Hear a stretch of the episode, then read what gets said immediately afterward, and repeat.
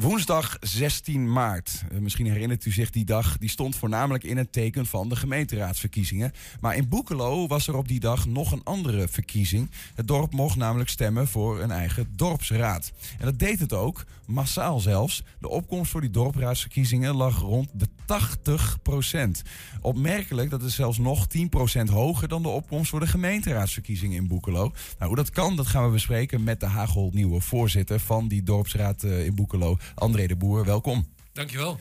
Ja, even om dat te schetsen, hè. 70% voor de gemeenteraadsverkiezingen in Boekelo. Dat Ja, is al hoog? Ja, ja. Vergelijk even met 45% in Enschede gemiddeld.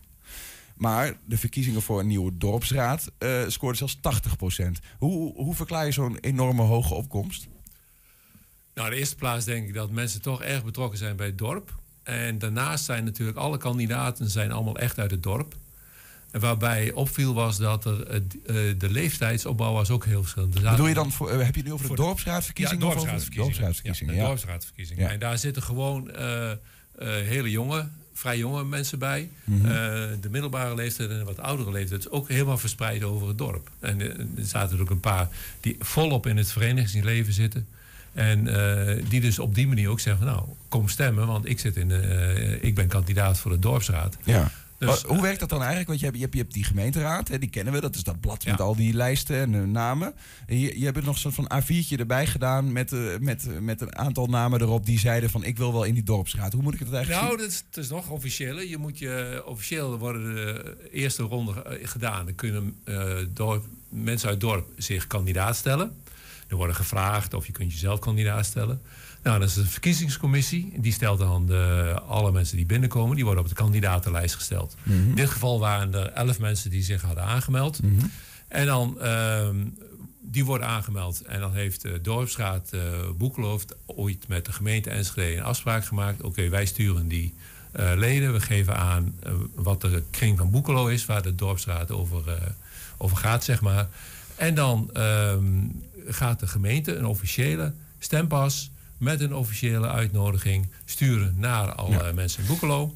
En dan ga je met je stempas en je identiteitskaart, net zoals bij de gewone bij de gemeenteraadsverkiezingen, ga je naar het stembureau. Begrijp ik dan dat er stonden dus elf mensen Ja. op die lijst. eh, en dat was van allerlei verschillende pluimage. Jong, oud, uit Ja. verschillende eh, wijken van Boekelo, om het zo maar te Ja, zeggen. nou ja, verschillende gewoon- delen van Boekelo, Maar zeg je ja, dat. ja. Ja. Maar eh, normaal gesproken, als je de gemeenteraadsverkiezingen hebt, dan stem je vaak op een partij.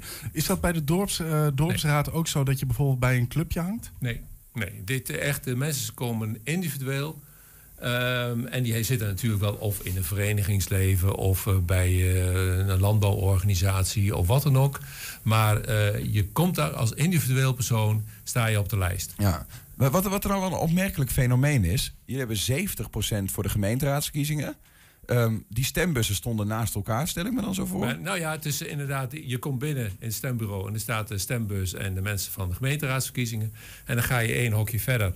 En daar zitten de mensen van de, de Dan dorpsraadsverkiezingen. zijn er dus mensen die daar zijn gekomen en hebben besloten om geen eh, brief in de stembus van de gemeenteraad te doen, maar wel in die van de dorpsraad. Blijkbaar wel, ja. ja. Wat zegt dat?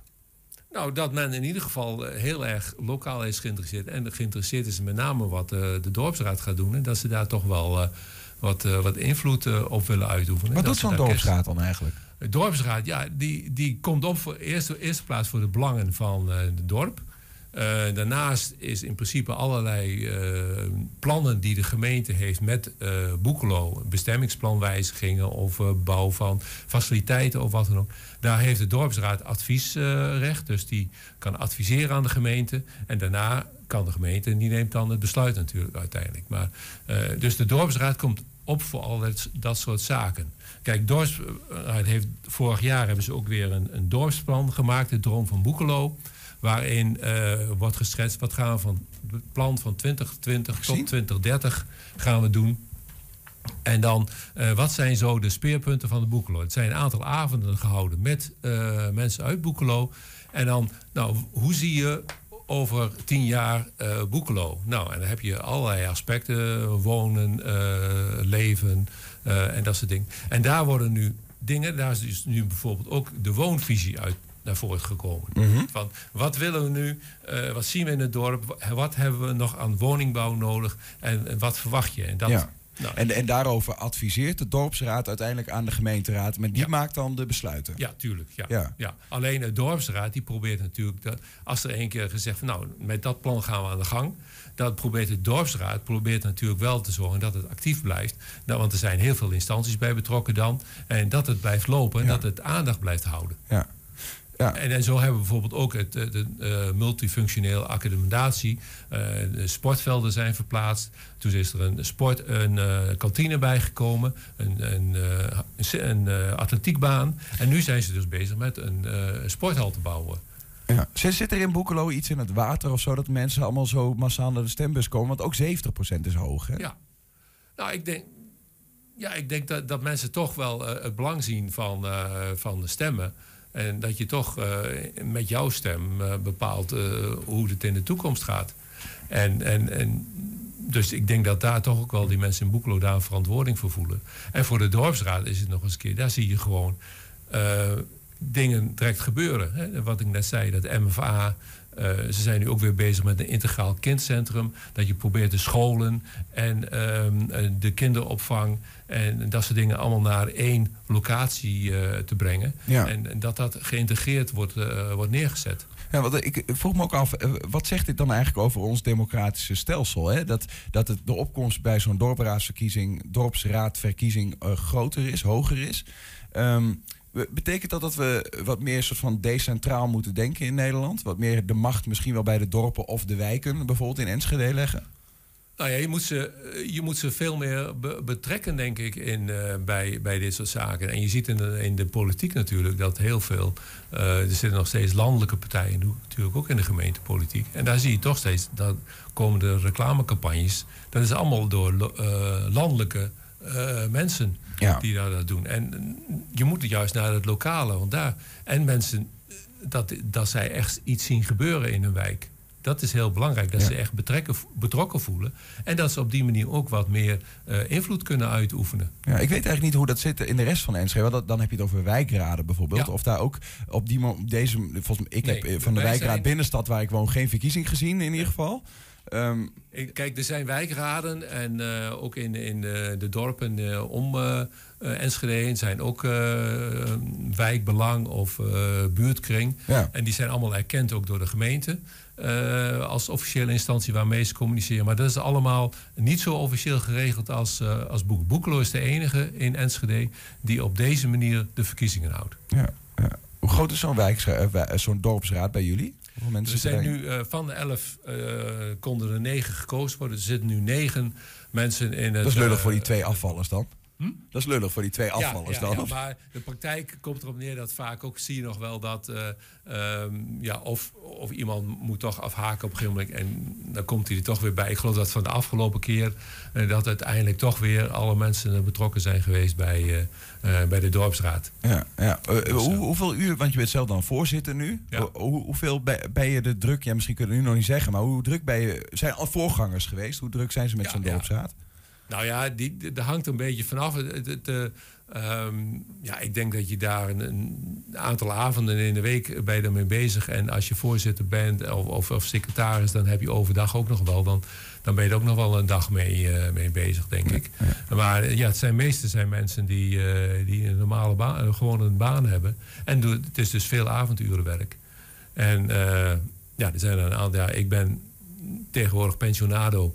Dus ik kan ook overdag, want dat is ook natuurlijk wel belangrijk. Als je met gemeentelijke instanties wil praten, dan eh, moet je toch vaak overdag ook met andere instanties overdag praten. Nou, en dan is zo'n functie als voorzitter wel, eh, wel makkelijk als je dat kunt doen. Zou je nog meer invloed willen hebben dan dat je nu hebt als dorpsraad? Want je hebt een advies, eh, ad- ja, adviesrecht. Je, hebt een advies, maar ik- ik denk dat nu meer invloed. Je, je kunt.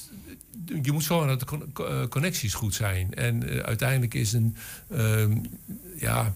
Als je, als je meer invloed wil hebben, dan moet je dat ook nog meer gaan professionaliseren, denk ik. Ja, nee, Kijk, bijvoorbeeld, nu- bijvoorbeeld. ja. Kijk, meer geld naar het boekelo en naar de dorpsraad. Gewoon zeggen van je krijgt er uren voor. En je bepaalt zelf hoe het dorp eruit Ja, ziet. ja, nou dat soort zaken zijn ook wel eens aan de orde geweest. Maar dan zie je toch met de uitvoering. Want er moet je ook een stuk uitvoering. Moet dus vanuit de dorpsraad komen. Dus dan krijg je daar weer een, een heel ambtelijk. Dan moet je ook weer professionals in zitten. En nu hebben wij eh, ja, veel contact met de, met de wijkregisseur.